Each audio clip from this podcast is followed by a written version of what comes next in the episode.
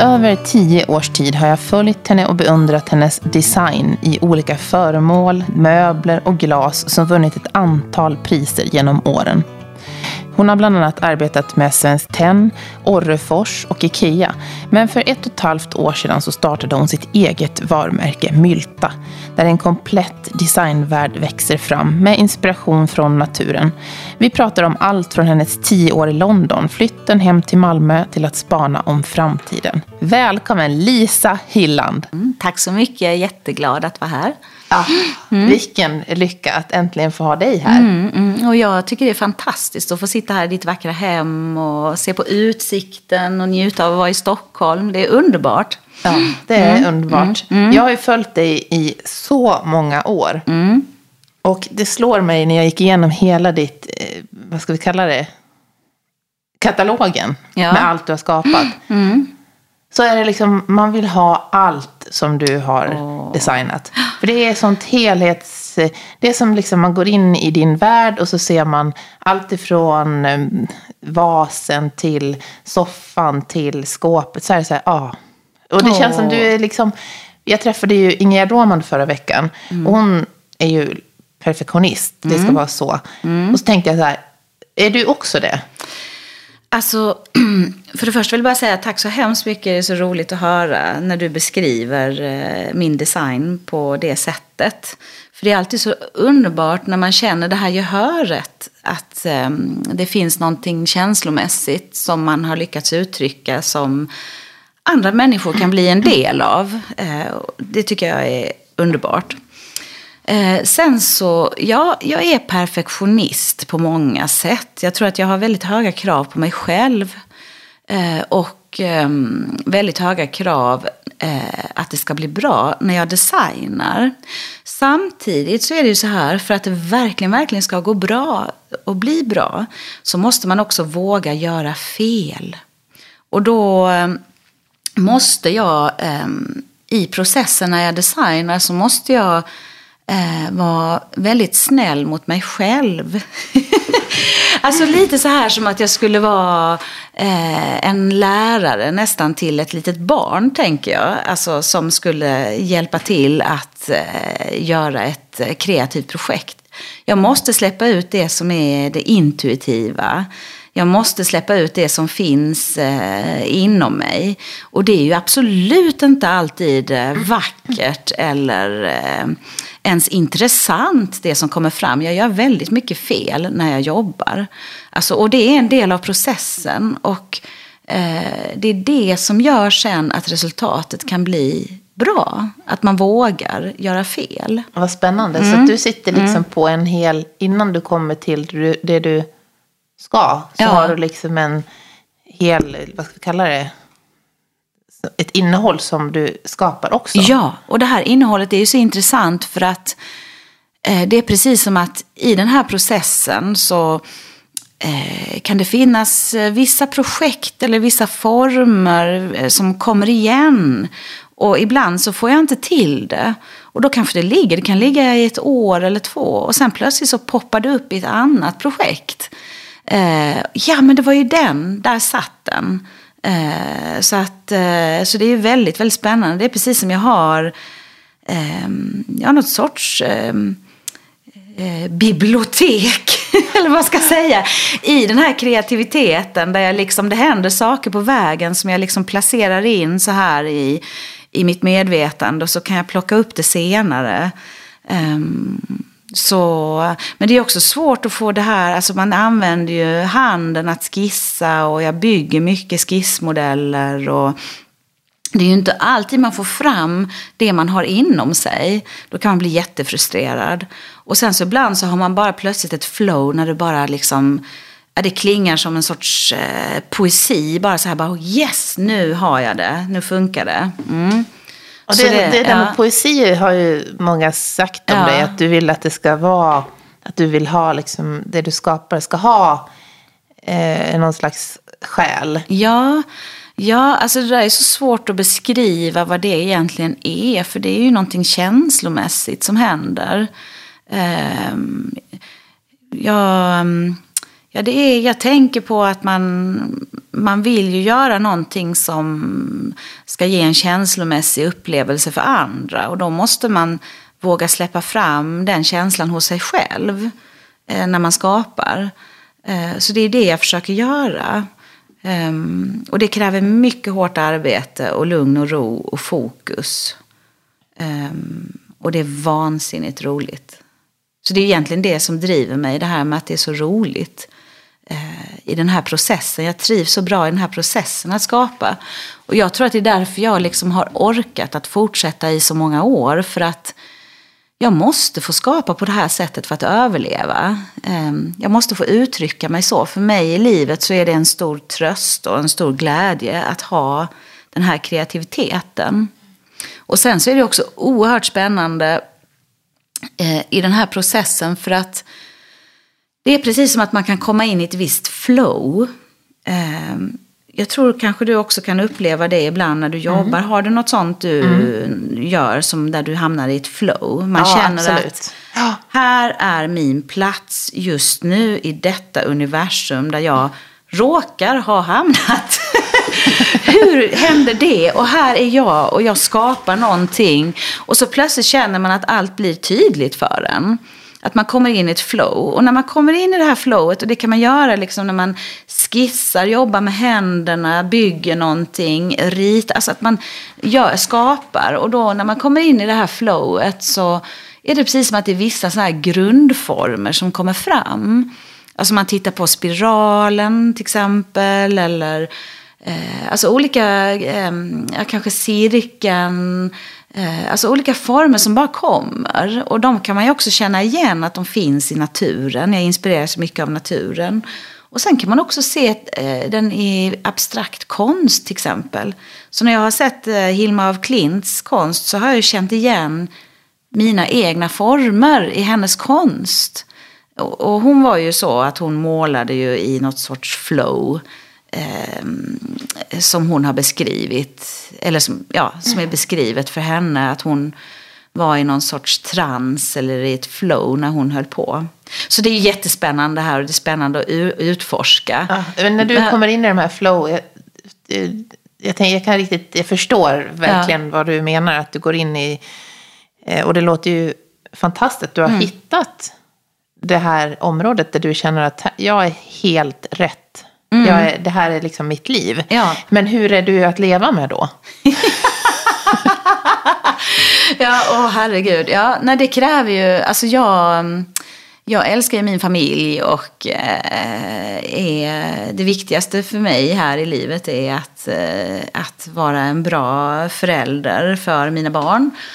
Och eh, det är ju klart att mitt jobb kräver ju en del eh, fokus och i vissa perioder måste jag vara lite för mig själv eh, när jag jobbar. Men jag, det här flowet, när jag har liksom lärt mig med åren att bli väldigt, att snabbt komma dit. Så jag, mm, och då när jag väl är där så blir jag väldigt, väldigt effektiv. Det är ett väldigt fokus. Så att det gör ju också att jag eh, använder min tid på ett konstruktivt och bra sätt när jag väl jobbar. Hur får man för ja. de som lyssnar och tänker, jag vill också... Ja. För det kan ju ta lång tid ja. att komma in i ett flow. Ja. Vad, vad, vad är det för knep? Kom till mig i min studio och jobba med mig där. så ska jag visa er hur det går till. Eh, men sen är det också så intressant för ehm, en av mina döttrar, hon är ju väldigt, hon har nog det här flowet också. Och vi kan ju sitta bredvid varandra och jobba. Eh, hon håller på väldigt mycket och ritar och uttrycker sig kreativt, bygger saker och så här. Och då har det varit så här att när jag sitter och jobbar så blir jag också väldigt fokuserad och hon sitter bredvid mig och jobbar med sitt. Och så efter en stund har jag blivit så här bara, åh gud, eh, vad händer, vad gör nu Elsa? Och så, här, så säger jag, Elsa hur går det? Så säger hon så här, tyst mamma, du stör mig.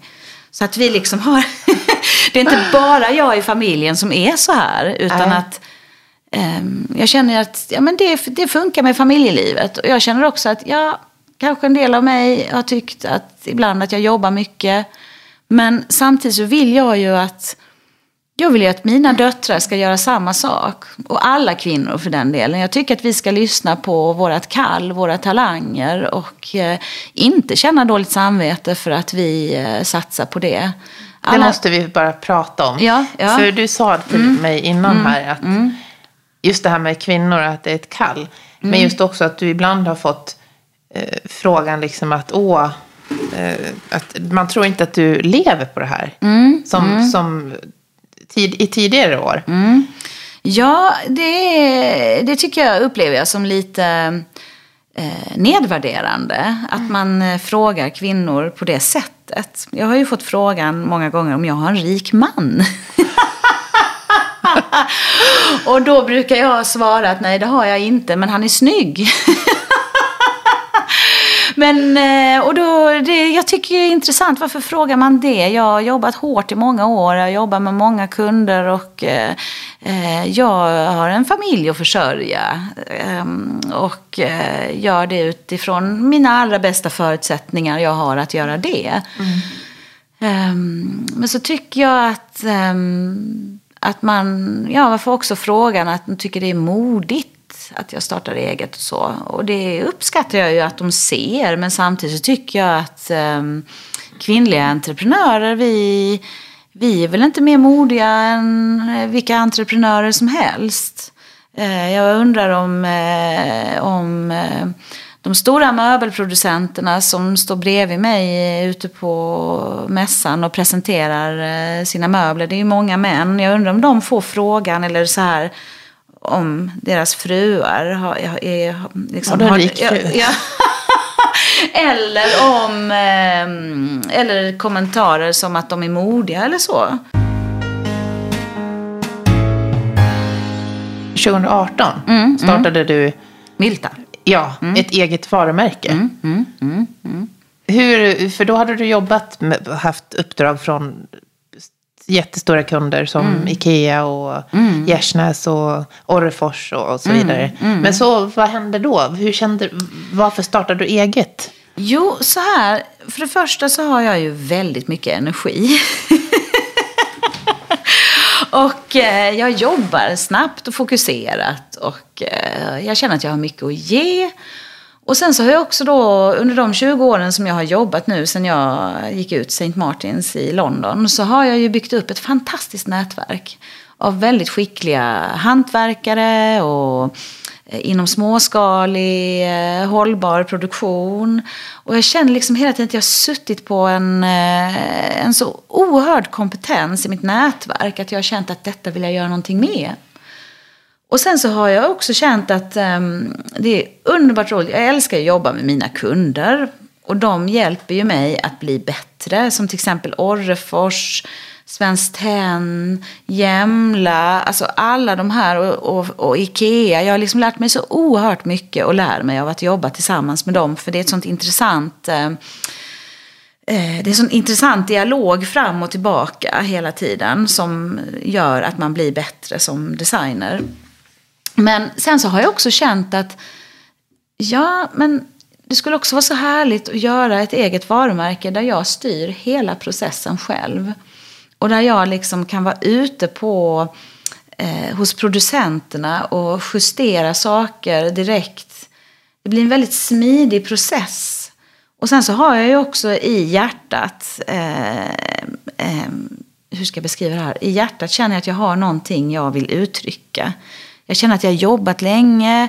Jag har anpassat min design ibland till eh, mina kunder. Och nu kände jag att ja, men jag vill ha en, ehm, en sorts, eh, vad ska man säga, en frizon. Där jag bara gör som jag vill. Ja. Utan att kompromissa. Och då är det ju också fokus på kvalitet och hållbarhet. Eh, som är det som jag brinner mest för. Och som jag känner är enda vägen framåt nu i det här läget som vi är i nu, alltså världsläget generellt. Det är liksom det enda sättet man kan jobba framåt på. Där ligger alla, du lite ja, i för, för, har du ett försteg, för det har du ju jobbat med hela tiden. Ju. Jo, det har jag faktiskt. Eh, men jag försöker att lära mig ännu mer. Jag känner att det här är bara början. Alltså nu pratar vi om hållbarhet, alltså i form av um, produkter, alltså möbler.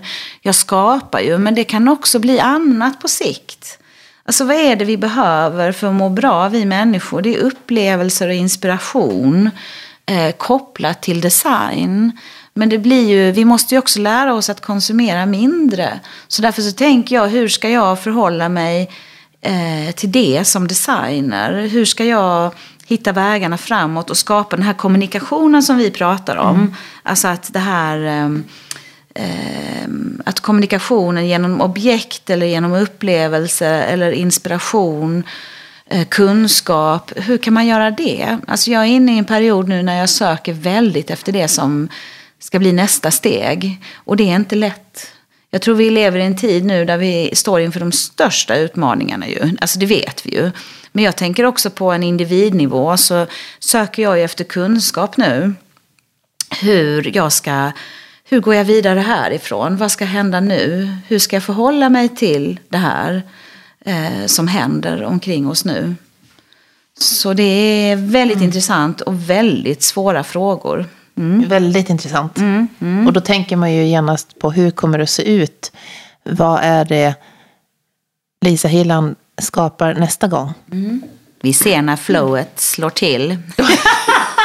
då, då blir det spa. Se, ja, ja. Men sen är det också det här att Mylta, som jag har startat upp, det ska ju inte bara handla om mig, utan eh, jag vill jättegärna samarbeta med andra duktiga kreatörer. Så att hittills nu så har jag ju kunnat jobba väldigt snabbt. Jag har designat själv. Eh, alltså det är inte viktigt att jobba snabbt. Eh, men jag har ju ändå liksom, jag startade varumärket och sen har jag byggt ut kollektionen. Och det är saker jag har tänkt på i många år. Men Milta har bara funnits sedan 2018 och då har jag varit tvungen att vara liksom ganska effektivt med att få ut nya, eh, nya produkter. Men jag vill så gärna bjuda in andra designers att vara med i det här spännande som är Mylta och komma med sin kreativitet och tankar kring de här områdena. Alltså hållbarhet, kvalitet, hur man skapar upplevelser och ja, hur man ger kärlek och omtanke till andra människor och naturen genom kreativitet. Det är väl dit jag vill på något sätt. Är det, mm. inom, är det svensk, inom Sverige som du tänker nu? Nej, jag tycker att eh, våra problem som vi står inför är ju globala. Eh, det kan vara inom Sverige men eh, det kan också vara något helt annat. Jag vet inte. Mm. Då måste jag ju få fråga, du var ju, på, du var ju nominerad som årets designer ja. på ja. Swedish Design Award här. Ja. Och då fick vi ju se bilder på Instagram att du hade Marcel Wanders som ja. bordsherre. eh, vad ja, pratade ja. ni om? Ja, vi pratade, han är väldigt trevlig och han var faktiskt, han satt bredvid Kadi Harjak som har NK Inredning. Så jag hade inte honom direkt som bordsherre. Ah. Men vi pratade mycket under kvällen och han är ju helt fantastisk.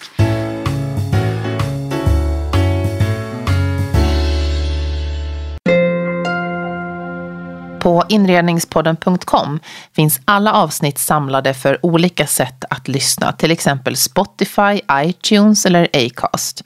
Du vet väl om också att det finns ett 60-tal avsnitt med många olika spännande gäster i arkivet.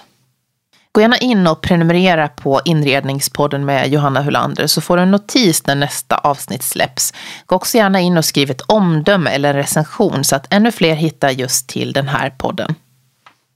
Följ också podden på Instagram. Där finns vi under ett inrednings podden och på Facebook ett inredningspodd. Där kan du skicka meddelanden, se korta filmer från varje avsnitt och för samarbeten och sponsring så mejla till info.joelhome.se. Ett jättestort tack till dig som lyssnar på Inredningspodden med mig. Tack vare dig är Inredningspodden nu den största intervjupodden som handlar om skandinavisk inredning, design och arkitektur. Och under 2020 kommer mycket nytt spännande att hända. Så häng kvar att lyssna på ett nytt avsnitt varje onsdag. Vi måste ju backa till London också mm. för att du bodde ju tio år i London mm, mm. och gick på St. Martins College of Art. Mm. Hur, hur var det? Det var helt fantastiskt. St. Martins var ju så spännande för att um, för det första så var det ju studenter där som kom från hela världen. Och eh, när jag började där så var det väldigt, alltså kanske mer som designskolor, vad jag har förstått, är idag. Alltså det är en väldigt processfokuserad utbildning. Så att man får ju lära sig att processen fram till eh, ett färdigt resultat är viktigare än resultatet i sig. Så det var ju någonting för mig som var helt nytt. Det, hade jag, det var helt nytt för mig. Och det känner jag, att lära mig det har ju påverkat mig som designer något oerhört. Um, så därför så um, gav det mig oerhört mycket att gå på St. Martins. Och där lärde jag ju också känna människor från hela världen och det var ju så himla kul. Vi hade så roligt. Har du kontakt med dem ja, än idag? Ja, det har jag. Och vi har kontakt, eh, eh, ses lite grann och vi har också kontakt på Facebook och så här. Så att jag är ju väldigt glad för det nätverket.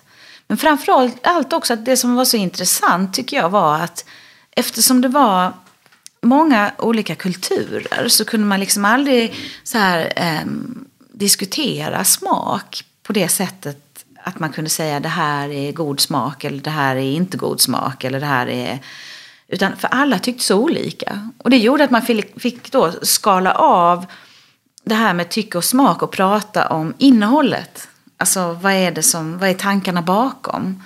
Och det tyckte jag var väldigt intressant. Och det har jag, ju, jag har ju undervisat en del och det har jag också använt mig av i min undervisning. Att jag, jag ser att det är spännande när olika, att man kommer från olika kulturer, kanske pratar olika språk. Men design är liksom en plattform där vi kan mötas. För det är ett visuellt språk men vi kan också bli lite befriade ifrån alltså, var vi kommer ifrån. Det är så häftigt. Mm. Det måste vara jätte, jättehäftigt. Mm. Mm. Och där finns det inget samarbete som du tänker att de här personerna som du har känt utan och innan då när ni pluggade mm. ihop, de skulle mm. jag vilja jobba mer med? Jo, det är klart. Det är klart. Jag tänker på Lisa Hillands vänner. Ja. ja, det är klart jag skulle vilja göra det. Det hade varit väldigt roligt. Um, faktiskt en väldigt bra idé. Jag har inte tänkt på det för att um, vi har mer hållit en vänskapskontakt. Det har känts som att det har varit viktigare än, än jobbet faktiskt. Märkligt mm. nog. Men det ska jag faktiskt tänka på. Väldigt intressant. Ja. Mm. Men sen blev ni kvar? Ja, och då är det så här att efter um, att jag hade tagit min examen så började jag jobba. Och kände att jag lärde mig väldigt mycket på det. Och jag eh, var frilansdesigner och jag jobbade på en um, en designbyrå som heter Factory Design. Och de gjorde då flygplansinredning, bland annat till Concorde. Så jag var med i det projektet, var otroligt spännande. Tillsammans med Conran gjorde de. Oj. Ja, han gjorde färgsättning och sånt här på 90-talet. Och det, jag var enda tjejen på det här designkontoret så vi åkte runt i London på motorcykel. Och jag fick sitta bak och hänga med på olika möten och så här. Äh, det var så himla, äh, det var väldigt, en väldigt, väldigt rolig tid. Um, och sen så gjorde jag också frilans, lite frilans åt Tom Dixon och på Pentagram. Också en väldigt så etablerad, eh, spännande designbyrå. Så det var ju ett sätt för mig att lära mig, eh, att fortsätta min utbildning. Um, och, um, och sen så efterhand där då så så, ehm, och jag var ju kvar där med min man då som jobbade på eh, en reklambyrå som heter Mother. Eh, som var väldigt i ropet under 90-talet. Och, eh, så vi stannade kvar där i nästan tio år. Det var väldigt, väldigt rolig tid. Hur var det sen? Mm, och lärorik. Ja, mm, det måste ha mm, varit mm, mm, jättespännande tid. Mm. Men sen att komma från London till Malmö. Ja. Hur var den kontrasten? Ja, det var eh, alltså att min man har ställt upp på detta.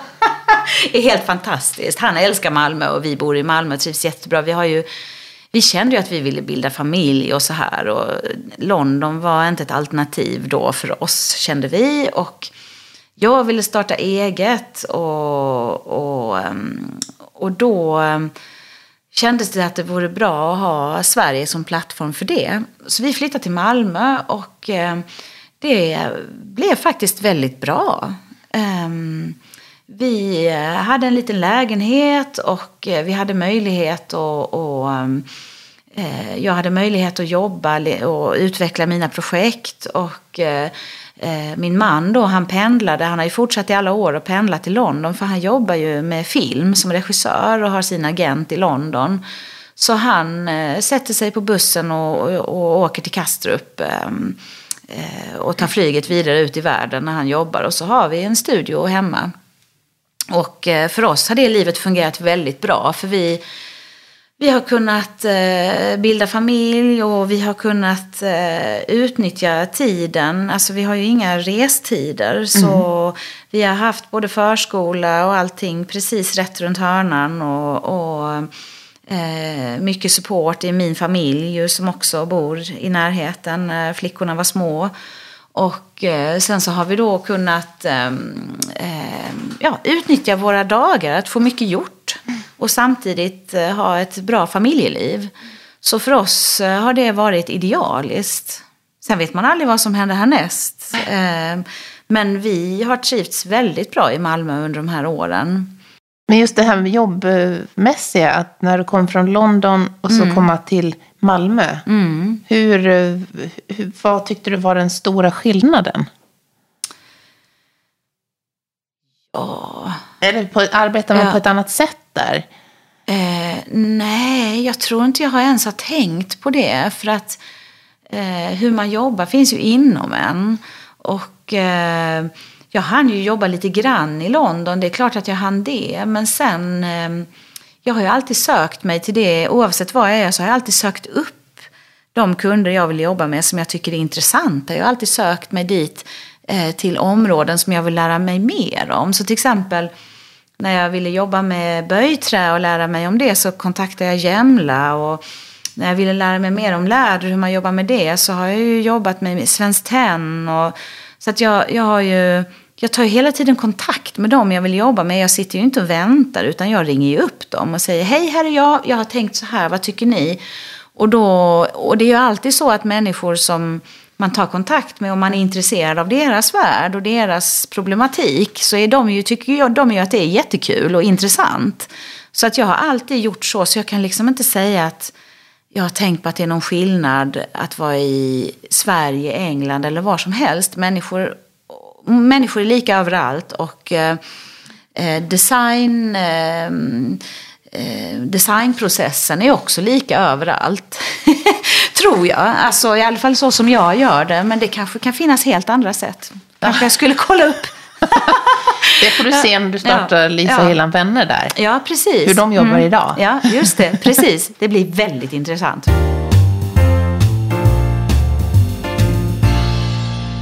Vad händer nu närmast? För nu är, står vi precis i startskottet på möbelmässan. Mm. Och när det här avsnittet släpps så är möbelmässan i full gång. Ja, ja, ja. Hur tänker du inför det? Det ska bli så kul. Jag tycker det är så kul för att eh, jag känner dels att jag har startat eh, Milta som varumärke. Och det är det som är fokus för mig denna mässan. Eh, det kommer komma nya projekt med kunder och så framöver. Men just denna mässan så är det Mylta som jag lanserar nyheter med. Och jag känner att eh, sen launchen av Mylta eh, för, vad är det, blir det, ett och ett halvt år sedan. Mm. Mm. Så har hela, har liksom kollektionen och varumärket har på något sätt fått eh, sätta sig. Förstår du hur jag menar? Att det, liksom, det har fått sätta sig, landa lite. Och så har jag kunnat utveckla nya spännande produkter som är väldigt, väldigt håller en hög kvalitet. Både Eh, med hållbarhetsaspekterna, utseendet och ehm, materialen eh, på alla sätt känner jag att jag känner mig väldigt hemma i de produkterna som kommer nu. Och det har jag gjort med alla produkter, men jag känner att jag har kunnat fortsätta och bygga ut konceptet på ett sätt som jag känner mig väldigt nöjd med. Och jag har lagt väldigt mycket tid på att eh, resa runt i Sverige och utforska träproduktion och vad man kan göra med lokal träproduktion. För trä är ju ett fantastiskt material att jobba med. Det är eh, ett förnyelsebart material. Det finns väldigt många fördelar med det. Det är också väldigt, väldigt vackert. Och det här med skönhet är också en sak som jag tycker har med hållbarhet att göra på ett sätt. Eh, för att jag tycker att tar man ett stycke natur och gör en produkt av det så ska man ju behandla det här materialet med så stor respekt man bara kan och försöka göra det så vackert som möjligt och visa fram de naturliga egenskaperna hos det här materialet. Jag tycker just till exempel att trä som har märken från kvistar och man ser årsringar. Och jag tycker det är vackert. Det här är träd som har haft ett liv i skogen och det tycker jag ska synas i produkten också. När jag har rest runt nu hos olika alltså, tillverkare i Småland och Skåne och så här för att hitta vad jag, vad jag kan jobba med så är det väldigt vanligt att, att eh, man väljer bort trä som inte är perfekt. Men då säger jag, nej, nej, nej, det tar jag, jag tar det.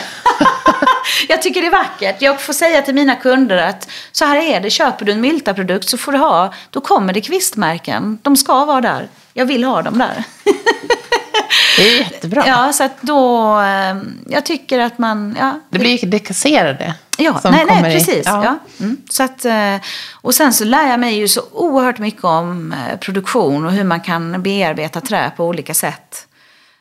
Så att jag har lagt väldigt mycket tid nu på det inför mässan. Att göra verkligt, verkligt bra kvalitet i alla led.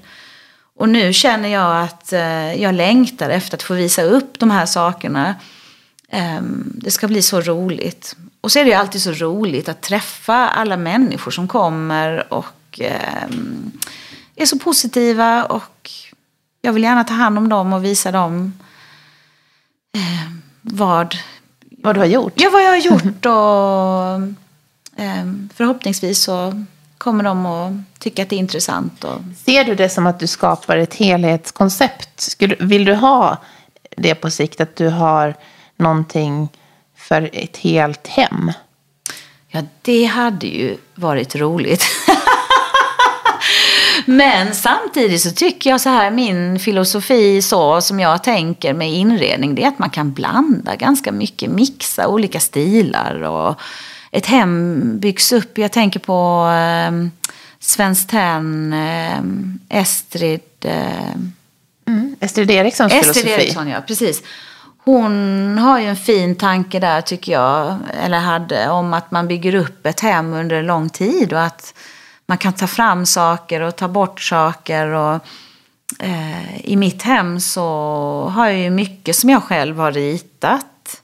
Eh, matbordet har jag ritat så man ska kunna sitta många runt det. Men det är runt det är avlångt men med rundade hörn så inga barn ska springa in i kanterna och slå sig. Och lådor under så man kan stoppa undan teckningar och sånt här. Och, så jag tycker både praktiska lösningar och vackra lösningar är viktiga. Och sen är det också viktigt att kunna eh, göra en, eh, en bra mix. Alltså precis som vi människor är. Vi består ju av så många, vi är så komplexa.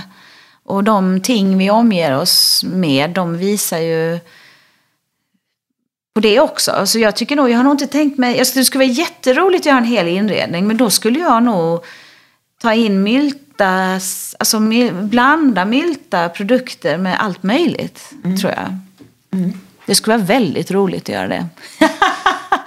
Men det är klart, jag tänker ju nog när jag designar på, alltså man går ju in och ut i, i mikro och makroperspektiv. Så att man vill ju tänka på, ja men hur kan det här se ut? Nu har jag ritat en stol och ett bord som jag tänker och hoppas att arkitekterna ska tycka är spännande att eh, använda som en komponent för att skapa en intressant eh, miljö. Ehm, så det är klart att jag tänker ju så när jag ritar produkterna, att de ska fungera både som solitärer men också i ett större sammanhang. Det är viktigt att tänka så. Dina, mm. det, det, som de som lyssnar nu känner mm. till främst från dig antar jag är puffen. Ja, för Svenskt Tenn. Ja, ja. Men den är ju en sån eh, fantastisk eh, skapelse i renskinn. Med Ja, den- slags, eh, ja. Men den är inte i renskinn den stora. Den är faktiskt i naturskinn och det har att göra med att renskinn är lite för tunt att använda i möbler. Det är väldigt synd, men eh, det är lite för eh, tunt, eh, känsligt. Så därför använder jag det då i eh, de här Gloria, i speglarna. Eh, så, ehm, så då, men renskinn är ju så vackert. Men den här puffen då, den görs i naturskinn. Och då är det en oerhört skicklig eh, hantverkare i eh, Malmö faktiskt. Som heter Karina Grefmar som gör den väldigt, väldigt, av väldigt hög kvalitet. Så att eh, hon har ju också en stor del i av att den designen eh, är så fin. För den är så, det är sånt oerhört skickligt hantverk bakom. Och så är det ju många, många projekt som jag gör. Eh, då är det ju väldigt skickliga hantverkare som också lägger sin touch på det hela. Och det brukar jag säga, som nu till exempel den här eh, grymma snickaren i Malmö. Han är så duktig. Han, eh, han, jag säger åt honom då att ja, men, eh, jag vill att du ska sätta din, ditt konstnärliga signum på det här skåpet. När han frågar mig om vissa saker så säger jag att ja, men, ditt hantverkssignum, jag litar på dig, du, du, du löser det. Eh, det tycker jag att man måste liksom lämna händerna på dem som kan, alltså vissa saker. Mm. Det är ganska stort förtroende. Ja, men de är ju så himla fantastiskt duktiga. De kan ju, jag kan förstå hantverket och jag älskar att göra saker med mina händer. Men sen får man ju också inse sina egna begränsningar. Att jag kan se, eh, jag kan se hur det ska bli. Eh, jag kan kommunicera det. Eh, men de som gör, de, de har det ju i, i liksom fingertopparna och de måste få göra det på ett sätt så det blir bra för dem.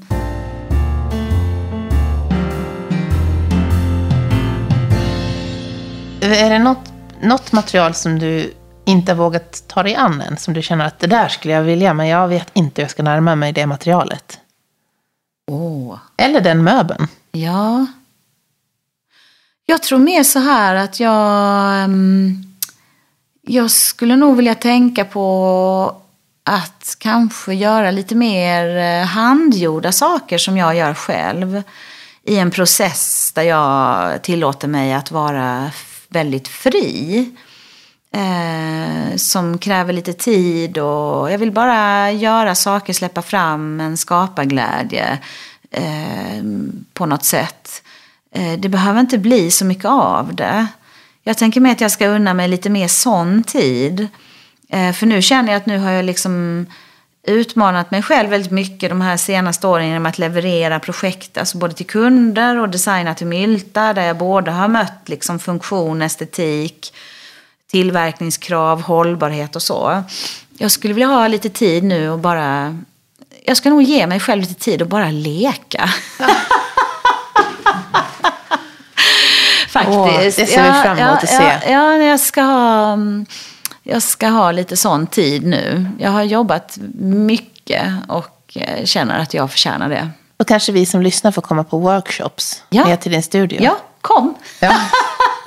Bara kom. Jag sätter på kaffet så Åh. kan ni få eh, en liten plats vid ett bord och sitta och ha det skoj. Ja, jag tror vi är många som skulle vilja komma Mm. Ja, ner till Malmö då. Ja, ja. Eh, I den här podden så får man ju önska en gäst som man skulle vilja lyssna på. Åh. Är det någon person som du känner att, mm, den där? Jag skulle ju väldigt gärna vilja höra Charlotte Perriand som är en av mina stora idoler. Eh, Men det går ju inte eftersom hon inte lever längre. Men det jag tycker hon gjorde var så fantastiskt eh, var ju de här eh, möblerna som hon eh, designade när hon var i Le Corbusiers eh, på hans eh, kontor. Och hon tog material som stål och läder och använde helt nya tillverkningsprocesser då för att göra väldigt, väldigt innovativa möbler i hög kvalitet. Henne har varit jätteroligt att höra. Och sen så tänker jag också att skulle man då försöka ta någon sån här annan ikon som jag vill lyssna på för att uh, lära mig av. Och, och då är det ju Vivienne Westwood. Jag tycker hon är fantastisk. Ja. Mm. Mm. På alla Eh, sätt. cool. En annan cool kvinna. Ja, verkligen. Mm. Eh, om man vill komma i kontakt med dig, hur gör man då? Ja. man vill åka ner på workshop hos dig? Ja. Jag, tror, men jag är inte så hemlig av mig. Mitt eh, telefonnummer och e-mailadress den finns på min eh, hemsida. Så det är inte säkert jag svarar, men om man skickar ett sms eller ett mail så eh, kan jag återkoppla när tiden finns att svara. Så ehm, jag tänker så att ehm, folk som ringer sådär ibland frågar jag, men oh, hoppas jag inte stör och så. Nej, jag stänger av telefonen om jag inte vill bli störd. Så det är aldrig fel att ta kontakt med mig utan jag, jag älskar människor. Alla är välkomna till mig och eh, jag tycker det är roligt att ha kontakt. Jag har fått så fina eh, folk som har tagit kontakt och skickat bilder på saker som jag har designat, hur det ser ut hemma. Och jag blir så otroligt glad när det händer. Fint. folk som ringer ibland har frågor om saker. Och ni är hjärtligt välkomna. Det låter bra. Tusen tack Ja, ja, Lisa. ja, tack så hemskt mycket och jätteroligt att träffa dig.